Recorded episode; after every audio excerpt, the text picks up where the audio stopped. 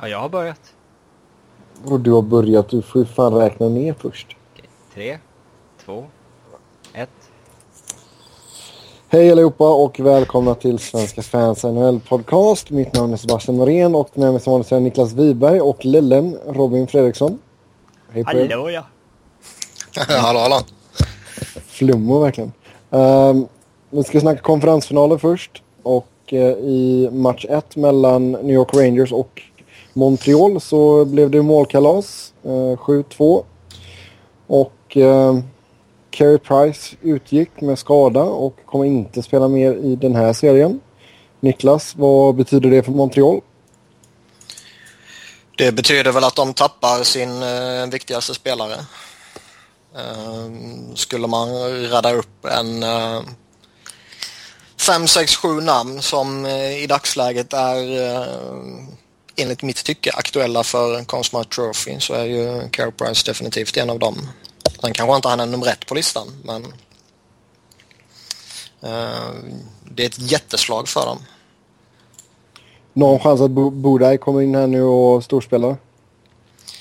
spekuleras lite om att det blir uh, Dustin Tokarski som får spela. Mm, det känns som ett mer high reward, alltså potential high reward val än Bodaj faktiskt. Jag tycker i och för sig jag fick väl uh, lite väl mycket skit tycker jag. Alltså det komma in i det läget och släppa tre mål i den matchen när man märk märkte att Canadiens hade liksom redan gett upp och de gav blanka fan i om det skulle blivit 2-4 eller 1-10 liksom. Ja, alltså det där Bodajs slutspelssiffror som är baserat på typ fem matcher i hans karriär, det är väl det är skitsamma tycker jag. Eh, men ändå så... Ja, alltså Tokarski är väl den mer talangfulla keepern av dem. Mm. Nej, jag tycker också det. Det är väl rimligt att, att lira honom. Jag menar det... Man har ju sett genom åren att vilken äh, jävla stolle som helst kan bli het mellan stolparna. Alltså bara kolla på mitt Philly när vi gick till final 2010. Mm. Fucking jävla Michael Layton liksom. Mm. Han var bra. Herregud. Jag är fortfarande bitter Ja. över det. Ja, men han, har... så jag, så jag menar, en, en, en målvakt kan ju, alltså kommer han in i zonen så är ju, om, man, ja, om vi pratar sex matcher i det här fallet eller om man pratar en hel serie så, så kan det vara direkt avgörande ju. Uh, Henke Lundqvist vet vi att han alltid kommer vara bra men lite som Robin var inne på i början så tror jag ändå att Tokarski har en Um, um, det finns en större eh, sannolikhet tror jag för att han kanske eh, spikar igen på ett sätt som Bodaj kanske inte gör. Även om Bodaj som sagt fick lite mycket skit. Ja, annars om vi pratar om matchen då så Rick Nash gjorde mål. Kors, Ja, men kors i fan. Madison Square- ja. ja, men det var är det hans tre, tredje slutspelsmål? Genom tiderna. Ja. Ja. Inte i slutspelet, Nej. utan det är genom tiden. Nu har visserligen han spelat en del i Columbus, men... Eh, det var tre mål på 30 plus matcher någonting. Så att, eh, inte särskilt imponerande, men vi får la se vad som händer när... Eh, nu när det lossnade, eller han fick liksom göra sitt första här då... Det har väl satt, suttit lite i skallen på honom. Ja. Annars så eh, Mats Zuccarello hade ju en fin match igen. Plocka upp några poäng. Fortsätter Det det. Det, det som är lite märkligt som jag tycker i den här matchen det är ju att eh, Canadiens tillåter sig själva att eh, kollapsa på det sättet man gör. Det är inte bara det att, eh, att de själva kollapsar utan man ger ju faktiskt Rangers en, en jätteskjuts i, i självförtroende och allt vad det innebär. Dels genom att ja, givetvis göra jättemånga mål men de fick också stänka dit en del i, i powerplay vilket inte har gått jättebra för dem tidigare i slutspelet ju. Mm. Ja, om vi kollar på en kille som har kommit in i laget nu på senare, det är ju Chris Kreider. Och um, han var ju den som brakade in i Carey Price och han har gjort det vid ett par tillfällen på ett par olika målvakter. Vad, förutom att krascha in i målvakter, vad, vad bidrar Kreider med till eh, Rangers? Jag tycker han har bra energi, bra fart, eh, vill framåt. Han eh, går liksom, han går för det. Han... Eh, jag tycker nästan att hela laget har sett hetare ut sedan han kom in. De har väl gått 4-1 tror jag sedan han började lira. Eh, så han har ju varit ett lyft för dem. Eh, Inget snack om saken. En bra spelare och eh, ja, de, de spelarna som fick spela lite för mycket tidigare har ju man inte behövt förlita sig lika mycket på nu när en sån snubbe kommer tillbaka. Så det är givetvis jätteviktigt. Sen har han väl eh, liksom den, den här situationen och sådär är väl inte något överfall på det sättet. Det finns ju tusen tydligare exempel på eh, spelare som medvetet vill plocka bort en målvakt liksom. Mm. Nils Ekman på Henrik Lundqvist i slutspelet 2002, 2001 någonting. Det minns kanske Sebbe? Det var mm. vackert. Ja, jävlar vilken uppenbar propp på en målvakt. Men han försökte få dölja att det skulle vara inte med flit, men... Mm. Nej, alltså det, det, jag tror det är lite långsökt kanske att uh, börja slänga skit på Kreider, att det är liksom planerat överfall och allt sånt här. Ja, nej, nej, absolut. Det tror jag inte att det är, men han har inte varit inblandad. Nej, jag menar, nej, jag menar inte att du säger det, men uh, snacket går ju på uh, internet, på Twitter och i forum och allt vad det nu innebär, framförallt i Canadiens. Uh, precis. Ja, men det, det handlar mer om att han är ju en så, han har ju en bra fart när han väl kommer, eller han är ju ganska snabb på att ta fart också. Men han är snabb och han är ju inte feg för att gå in, bryta in framför mål liksom. Ja, alltså Nej. det är en spelare som driver på mål. Mm.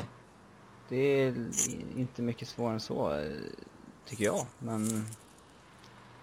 Ja. ja, jag håller med. Det är ett spelsätt man har. Uh, vill du gå in på mål så kommer du hamna i situationer där du uh, mer eller mindre kraftfullt träffar målvakten. Mm. Tycker inte Rangers om, eller förlåt, tycker inte eh, Montreal om det så får de ju förhindra honom från det eller så får de ju hämnas. Exakt. Vad säger vi annars då om Montreals eh, försvarsspel i den här matchen? Det känns som att allting kollapsade. Uh, det, den gamla klassiska, liksom klassiska klyschan att det bara är att, att glömma och gå vidare känns väl som att det passar in rätt bra här för jag tror att ska man börja liksom som coach eller GM eller eh, allt vad man nu kan ha för, för roll i en organisation så tror jag inte att man blir mycket klokare av att sätta sig och djupanalysera den här matchen. Nej. Mm. Eh, något annat att tillägga om match 1 mellan dessa två? Nej. Nej. Då går vi vidare till eh, västra konferensfinalen där vi hittar Chicago och Los Angeles Kings och där var det Chicago som kom segrande ur första matchen. 3-1. Ja, det var härligt. Bedrövligt, skulle jag säga.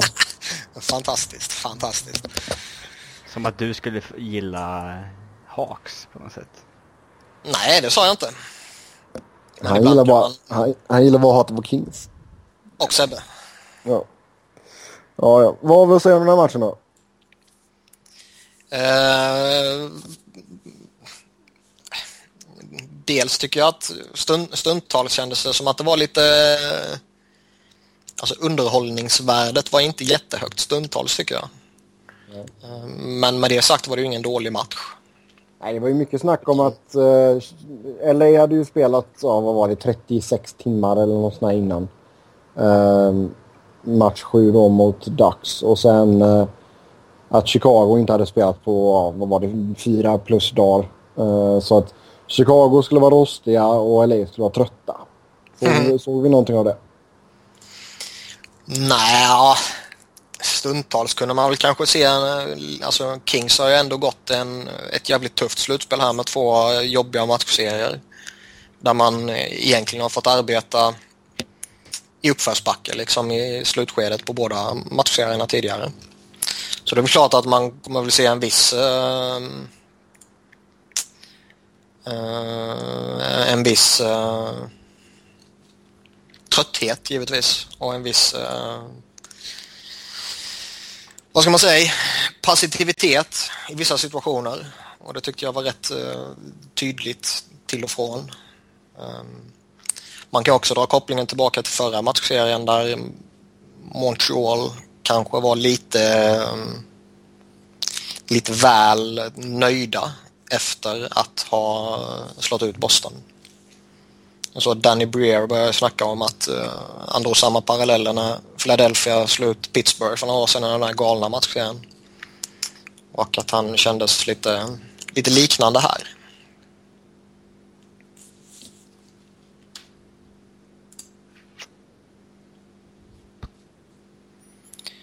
Be right back, måste döda kackerlacka skriver Sebbe på Skype nu alltså. Doda kackerlacka också. Doda, jävla sopa. Maste doda kakerlacka. Skandal. Skandal. Jävla göteborgare. Okej. Okay. Såg du eh, eh, Duncan Keats 2-1 mål? Är det inte konstigt att eh, Marcus Kryger inte får mer global cred för det målet? Varför ska man ge dåliga spelare cred för? Ja, men med tanke på hur mycket cred Keith fick. Det är inte hans för... Alltså, det, är, det, är... det, är, det är skitskillat att kunna sikta på så att den studsar på det sättet den gör det. Ja, och det var inte riktigt hans... Uh, uh, ja. Det är väl en, en större prestation av Marcus Kryger. Definitivt. Definitivt. Han är bra mm. Kryger, men han är ju ingen Mikael Handfus. Ja, alltså. Jaha. Ja. ja. vi vet allt vilken mancrush Robin har på Kryger så.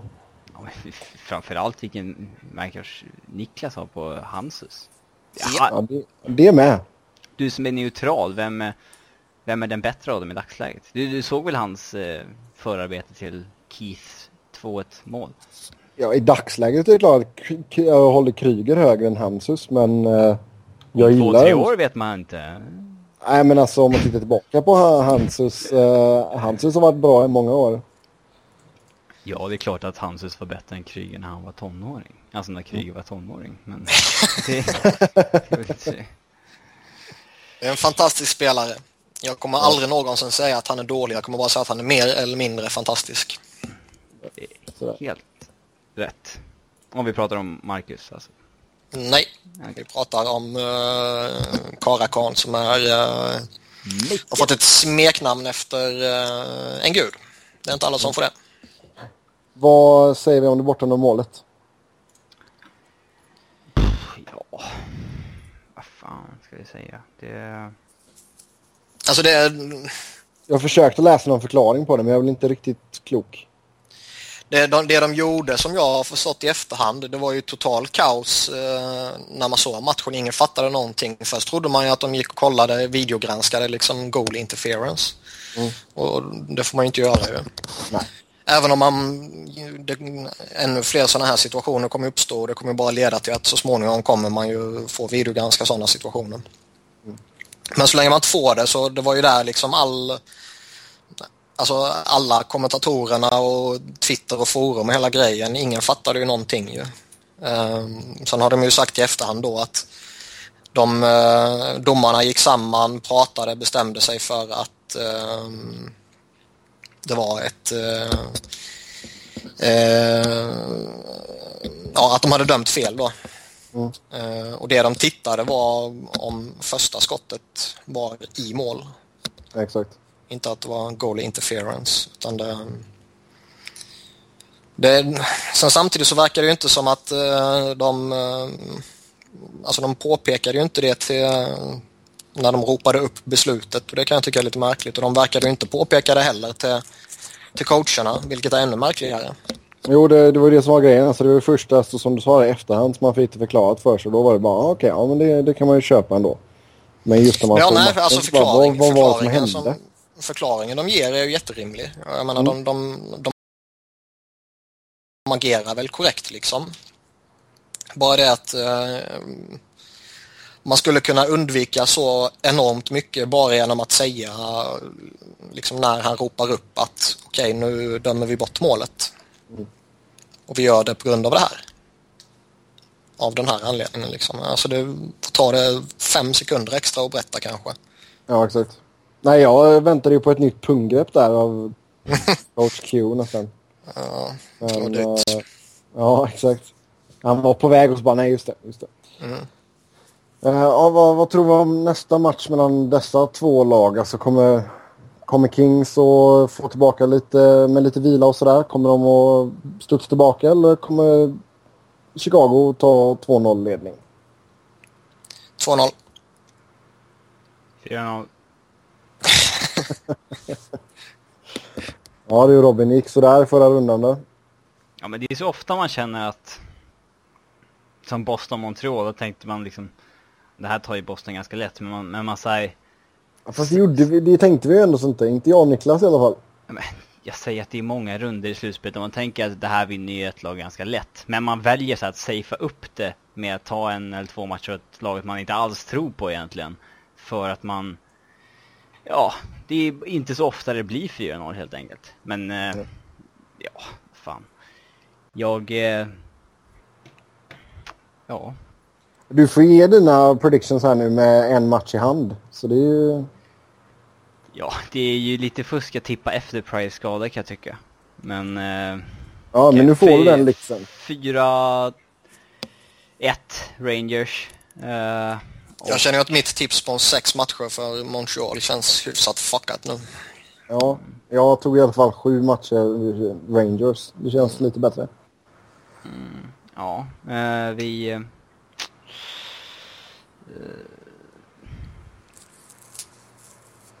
ja, vad ska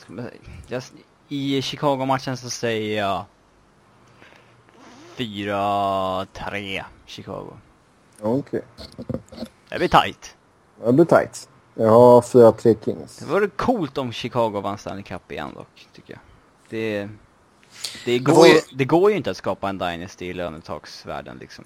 Men har vunnit tre på typ ja, sex år eller vad det blir, då är det är fan sinnessjukt imponerande då.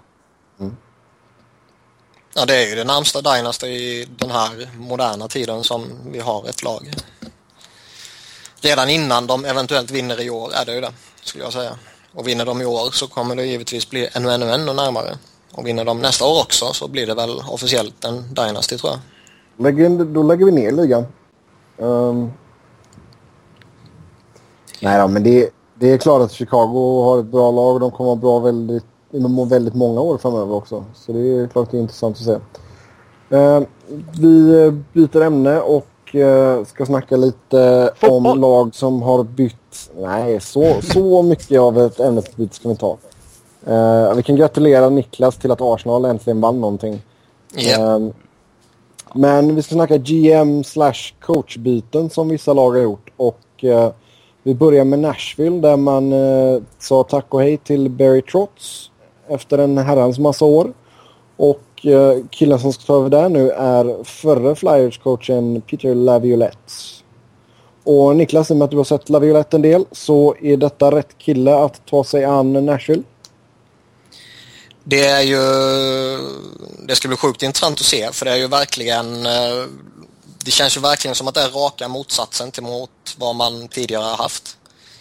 Eh, Nu är det ju en coach som vill ha ett väldigt aggressivt och offensivt spel där man eh, går för det hela tiden, där backarna pinchar fram och där man... Ja, man riskerar rätt mycket helt enkelt. Eh, Man spelar modigt. Vilket ju är, om man ska generalisera det, raka motsatsen till vad Nashville har lirat de senaste åren. Så det ska ju bli jätteintressant att se om de eh, lyckas hitta den här, eh, vad ska man säga, gyllene kombinationen mellan en, en skön defensiv som de har och sen kunna få igång den här offensiven då liksom.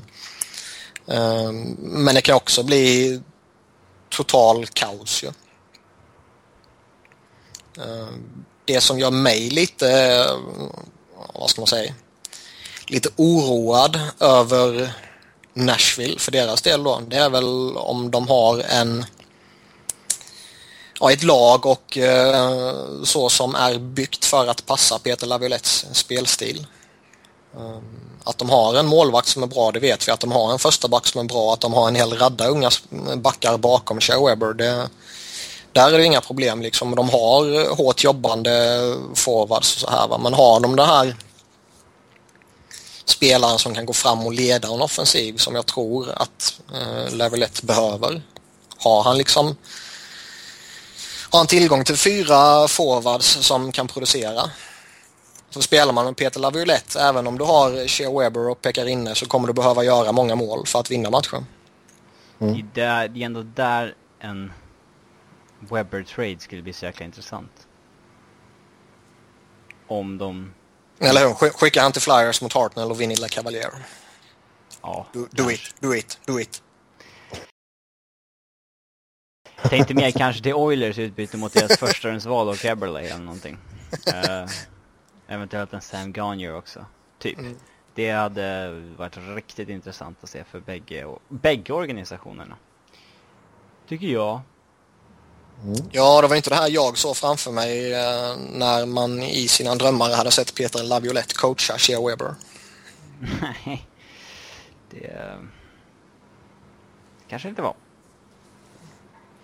Mm. Nej, men som sagt, det, det ska bli spännande och eh, jag tror nog ändå att de gör rätt när de väljer en annan eh, och lite ny approach till det hela än att eh, plocka in en, eh, ja, en kopia till Trots liksom. Ja, det var på tiden liksom. Något, att de skulle göra någon form av culture change liksom. Mm. Det, det, det, de hade ju en, man kan ju inte säga att de hade kört fast med Trots men ändå hade de det för att laget hade ju tappat sin Ryan Suder och de hade de hade inte samma firepower längre och de måste bygga om och det känns lika bra att testa en annan filosofi samtidigt då mm. än den de har kört i 15 år eller vad det blir. Mm. Lavi, alltså Laviolette var ju ganska öppen med då ändå när han hade första presskonferensen att han ville behålla det gedigna defensiva spelet som Nashville har varit kända för under en längre tid under Trots. Men att eh, tillåta lite mer frihet framåt. Och, eh, så säger man alltid i och för sig. Man går ju aldrig in och säger att ja, det är klart. Ska, nu ska defensiven åt helvete. Nu, nu blir det rallarhockey. Nej då, men Niklas, vad, hur tror du det kommer gå för Kalle Järnkrok och Filip Forsberg när man spelar under Laviolette? Det, alltså det, det, det är ett spelsystem som kommer passa dem rätt väl. Liksom. Det här offensiva, du får friheten liksom, eh, nästan eh, uppmanas att, eh, att chansa i vissa situationer. Men sen samtidigt så man kunde också i Philadelphia se att det var inte alltid det gick ju jättesmidigt med de unga spelarna. utan det mest klassiska är ju JVR till exempel han inte riktigt fungerade och när han kanske gjorde ett misstag så tyckte Levolette inte om det utan då fick han kanske en lite mindre roll under en period.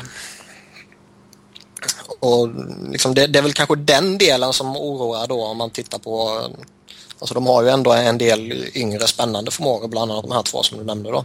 Ja, man kommer göra misstag liksom. Under, mm. Mm. Eh, men han, han kommer inte ha samma djup i Nashville heller att liksom Nej, alltså när han, när han var i Philadelphia och de, de var som allra bäst, då hade de ju två riktigt bra backpar och de hade ju tre stycken riktigt bra kedjor som han bara kunde rulla och rulla och rulla och rulla på liksom. Och var det var andra kedjan kass en match, ja då hade han en tredje kedja som han kunde släppa fram utan problem. Mm. Nu har han ju, jag skulle säga att han till stor del fortfarande har de förutsättningar i försvarsbesättningen i Nashville.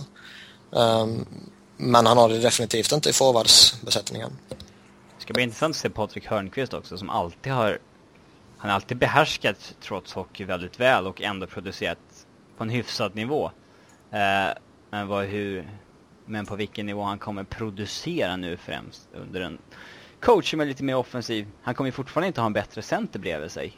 Men... Det, går, det går ju lite roliga rykten där eh, kring Jason Spetsa. Att, mm, det ju eh, spännande faktiskt. Ja. Mm. ja. Vi får se vad som händer i Nashville. Um, vi går vidare till San Jose som efter en uh, episk kollaps mot Kings uh, valde att behålla både GM Doug Wilson och coach Todd McLellan. Och uh, min första fråga till er, är det rätt eller fel? Jag hade väl egentligen nästan förväntat mig att eh, någonting skulle ske. Inte att kanske båda skulle försvinna men att man eh, kanske skulle eh, gjort sig av med den ena. Nu känns det ändå som att eh, ah, fan, kan, kan man verkligen kritisera ett lag som ändå har gjort det så eh, ofantligt bra? De, menar, de, har, de har ändå varit ett topplag i grundserien i jättemånga år och de har eh, tagit sig vidare till eh, andra och tredje rundan i flera år. Liksom. Så jag menar, man får ju, allt är ju relativt och å ena sidan så är det ju kan man ju tycka att det är dåligt att de inte har gått hela vägen med det laget de har på pappret. Å andra sidan så kan man väl också konstatera att de trots allt har gjort det väldigt bra sen eh, liksom, lönetakseran infördes. Mm. Ja, det är en svår situation. De har ju inte... De har ju inte vunnit Stanley Cup, det har de ju inte. Men... Fan, det är inte så att man är eh, misslyckat lag så fort man inte vinner Stanley Cup. Det är bara ett av 30 lag som som vinner det där. Och, eh, tar man alla lagen som inte har vunnit så är väl de det mest framgångsrika av de, de lagen. Alltså det har inte... Hade det räckt hela vägen fram så hade de inte alls haft den här stämpeln på sig. Eh, det, är det är ett stort om, men... Ja, alltså det är svårt att döma ett lag och en, en organisation så hårt för någonting som är så himla svårt och som kräver så många marginaler och så mycket tur med sig att det... Ja, men efter en sån episk kollaps så förväntade man väl sig att någonting skulle hända.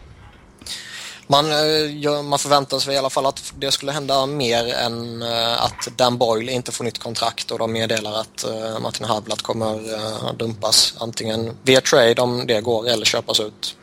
Mm, bara han håller sig frisk. Mm. Ja, nu, nu, är han väl frisk i alla fall så de får väl sätta honom på träningsförbud under sommaren. De kan köpa ja. ut honom. Det är bara en månad kvar innan de får göra det. De bara, du, eh, du ska få bo på det här spat med värderade väggar i en månad. Det är lugnt?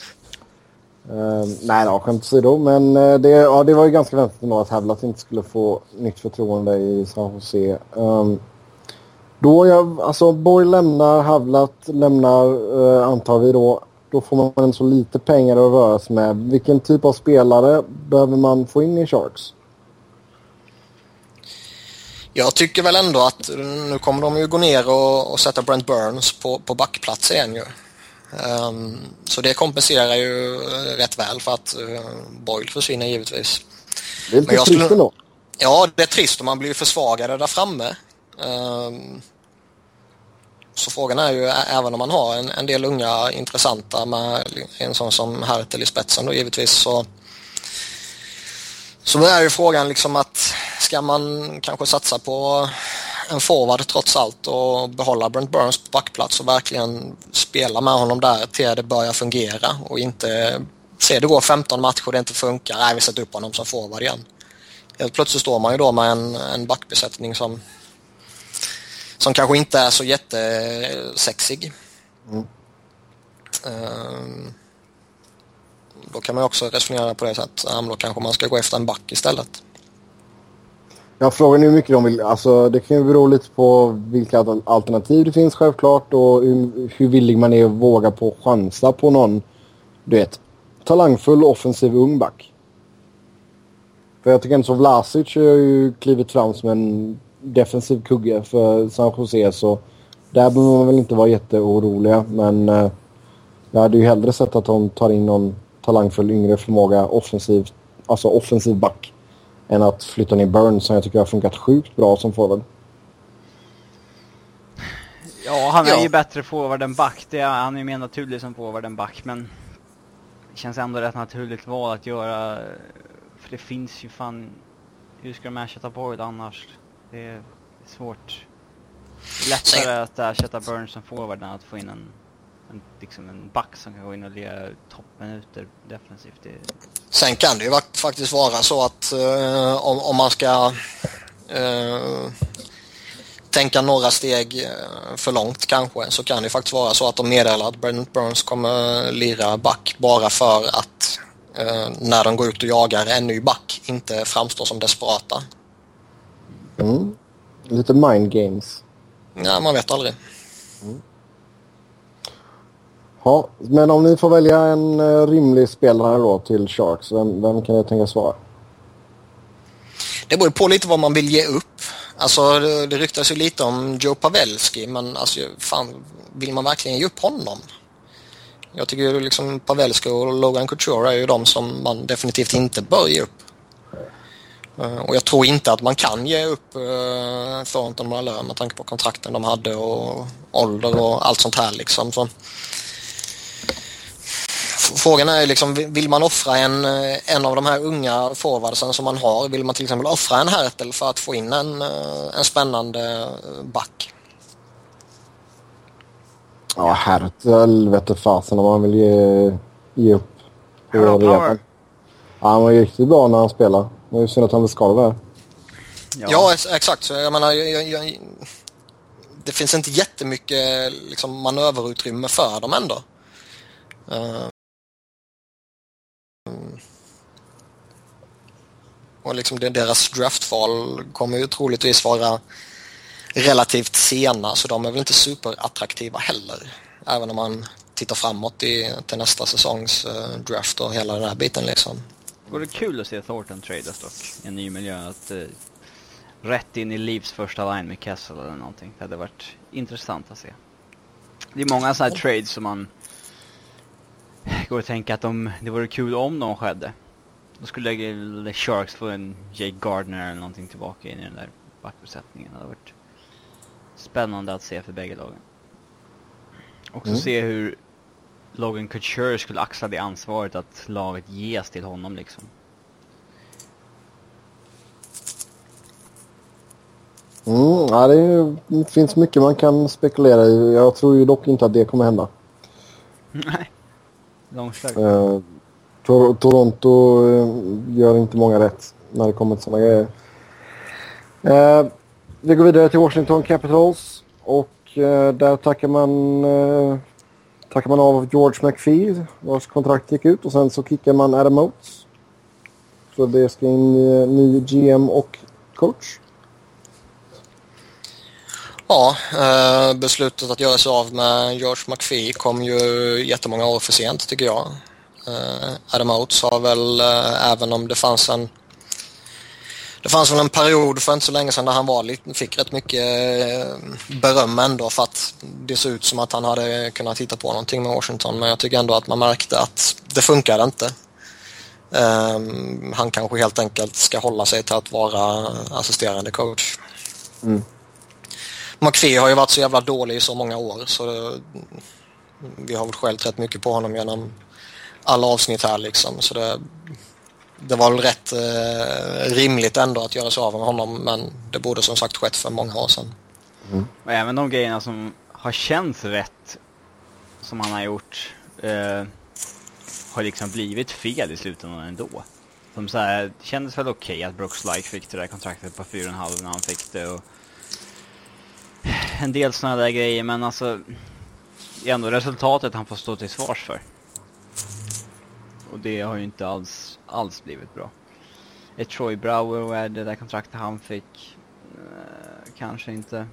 Eh, jag tror inte att han på sikt är en 25 målsskytt. Ehm, eh, han har gjort lite, lite tveksamma grejer med det där laget. Mm. Vem eh, bör komma in och styra rätt på den här skutan? Alltid svårt med uh, GMs liksom. Vem ska in? Um... Tuggas lite om Ray Shero.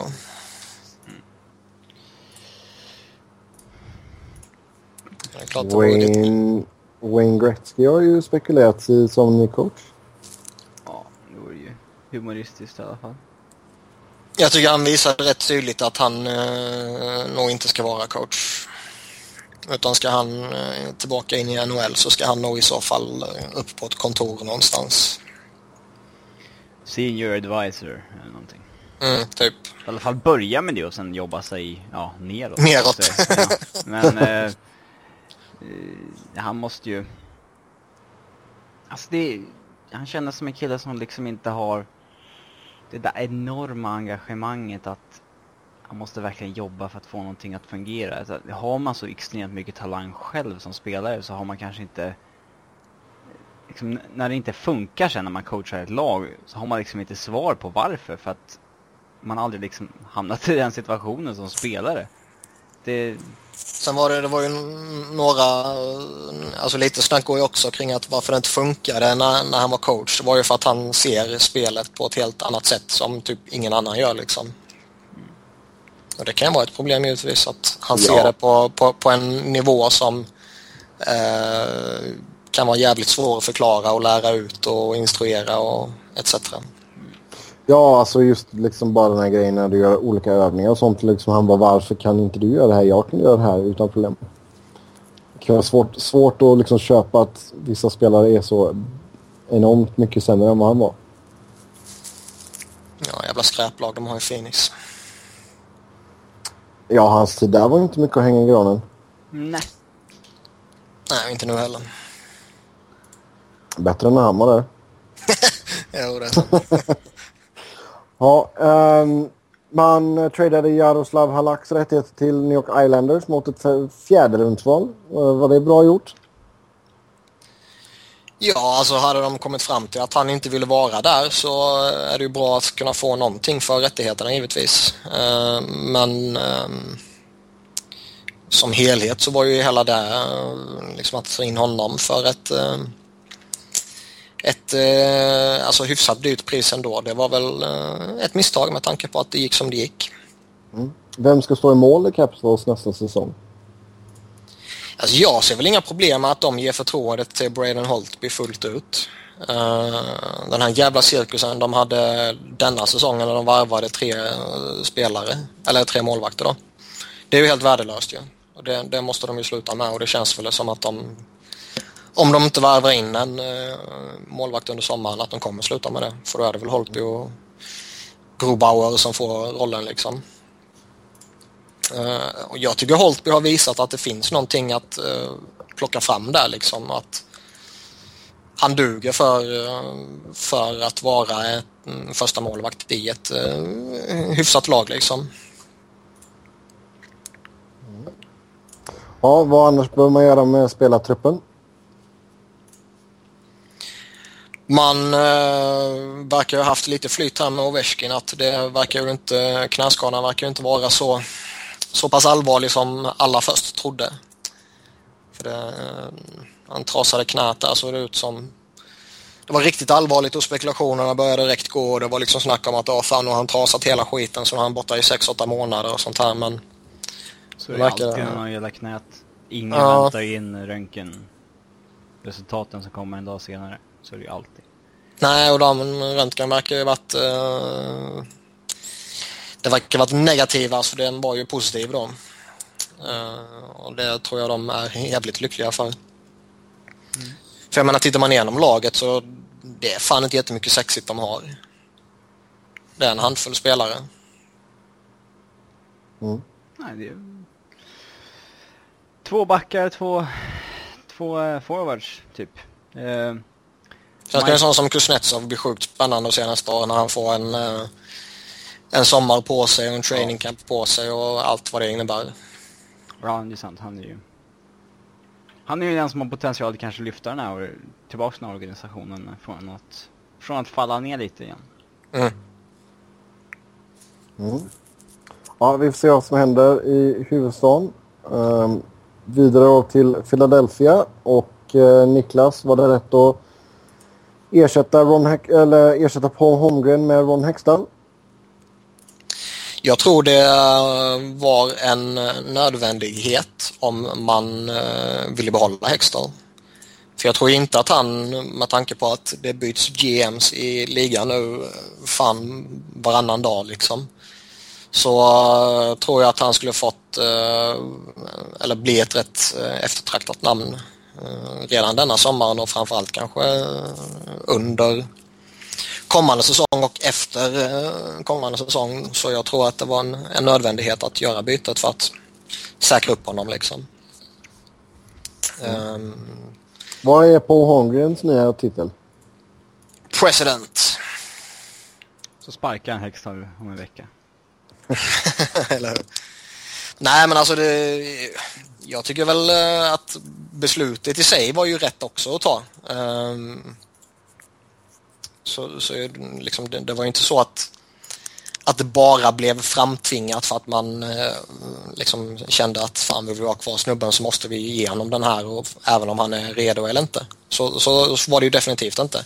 Utan han är ju redo för det, det tror jag. Han har ändå haft en gedigen utbildning i, i Kings och han har varit nu ett år i Philadelphia så att han liksom känner organisationen, han vet vad han ska göra. Så det är inte så att tar du en, en GM utifrån som vissa av de här eh, lagen som som agerat under sommaren kommer göra så kan ju den nya GMen behöva några veckor eller kanske ännu längre tid på sig för att sätta sig in i laget, lära känna spelarna och liksom eh, värdera eh, spelarnas värde och eh, talanger och allt vad det innebär. Det, den processen slipper man ju genom att befordra Hextall nu och det ser jag bara som positivt. Ju. Om vi tittar på spelartruppen då. Uh, Mark Strite var ju ingen succé. Jo. Nej, det var han ju inte. Då har du sett för lite, för det där är ett korkat påstående. Tycker du det? Ja. Han var du är en idiot, Sebbe. Ja, du, du, är, du är en idiot. han, eh, han hade problem i början på säsongen, det hade han. Det, det kan jag ge dig. Men från eh, OS och framåt och i OS slutspelet. OS framåt är en kort bit dock. Ja, det är en väldigt kort bit. Absolut, men det var då uh, allting avgjordes och sen i slutspelet så var han vår bästa back. Så att kalla han för att det inte blev succé, det tycker jag är direkt felaktigt och ett bevis på att man har sett för lite. För jag tycker ändå att han, liksom, han kom upp nu i acceptabla siffror. Han gjorde ändå 44 poäng utan att spela i, i första uppställningen i powerplay. Ehm, skulle han spelat hela säsongen i första uppställningen där så tror jag han skulle gjort uh, rätt mycket mer poäng. För andra uppställningen har uh, inte alls fungerat. Mm. Vad bör man göra med spelartruppen då? Ron Hextall pratade ju när han tog över så sa han ju liksom det här att vi, vi ska inte mm, offra våran framtid för eh, kortsiktiga lösningar lite som man har gjort de senaste 40 åren känns det som.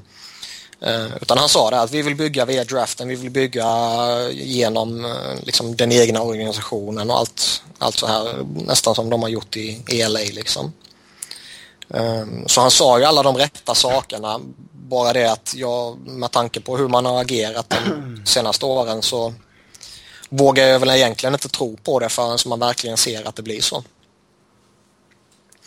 Så där, det finns ju lite saker man behöver åtgärda. Frågan är bara om man åtgärdar det nu eller om man kommer ha tålamod. Ehm, de pratar ju lite om att de vill ha in en vänsterforward till exempel.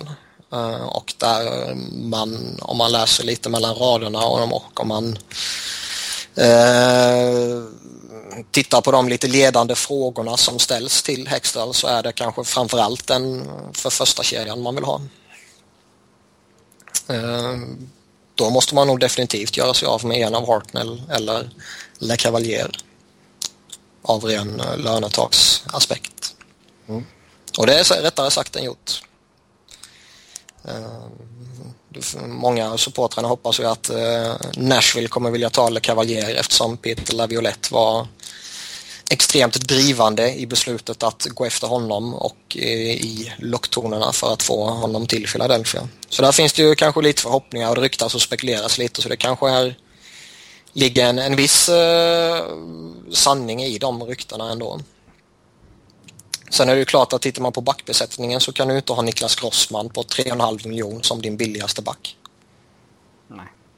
Fylla ju alltid lätt ligan när det gäller att ha den dyraste, billigaste backen i Eh, för några år sedan var det ju helt andra namn men det har alltid varit samma struktur på det. Liksom. Ja, typ. Så jag menar, alltså jag, det är väl inte så att jag ligger sömnlös över Erik Gustafssons beslut att sticka till KHL. Och det var ändå en snubbe som, ja, han kommer kanske att lira i ett tredje par. Liksom det, det kan man inte gråta över att han försvinner. Um, det kan ju till och med vara positivt faktiskt för de kommer ju behålla hans rättigheter och kommer han utvecklas enormt i KHL och så kommer han tillbaka nästa år eh, skitbra kanske. Men uh, alltså det, det, skulle ju vara välkommet att göra sig av med Niklas Krossman och kunna få in billigare alternativ där bak.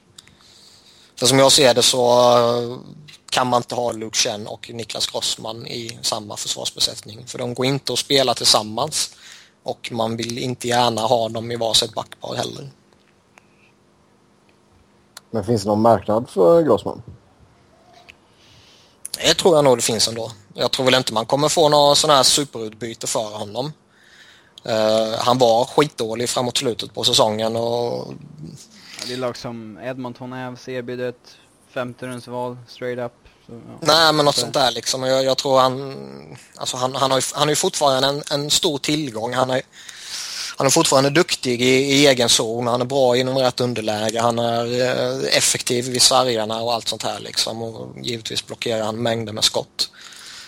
Liksom problemet för Flyers del är ju dels lönekostnaderna då men, men också som jag sa att man har både Grossman och Luke Chen och det tycker jag inte man kan ha. Och ska man välja en av de två så behåller jag hellre Chen för där känns det som att där finns det ändå en, en utvecklingspotential kvar. Medan Grossman, han kommer nog inte bli bättre än vad han är. För man ska säga det, han var jävligt bra i början på säsongen. Han var bra men Strite var dålig. I början på säsongen. Mm. Sen, ja, sen, Sen får man väl se lite vad Timonen gör också. Nu sägs ju liksom att det är 50-50 i alla fall enligt Ron Hextall om han kommer fortsätta eller inte. Ja men det är inte dags att klippa det där bandet nu eller? Alltså jag, jag... Men sen samtidigt, han var ändå utan tvekan eh, en av de bästa backarna i Philadelphia denna säsongen. Visst, säsongsinledningen var ju total kaos, eh, givetvis. Och eh, allt vad det innebär, men han var fortfarande jätteviktig. Det kommer man inte undan. Sen givetvis var han ingen eh, 6 miljoners back och eh, vill han ha liknande summor om han ska komma tillbaka så är det ju bara att vinka hej då kan jag tycka. Mm. Mm, vi får se vad som händer i Philly. Med det så tackar vi för oss för den här veckan. Som vanligt så eh, vill ni snacka hockey så går det bra att göra det via Twitter. Mig hittar ni på att Noren, Niklas på att Niklas Wiberg, Niklas med C och enkel B. Och Robin på R. Fredriksson. Hej då! Hej hej!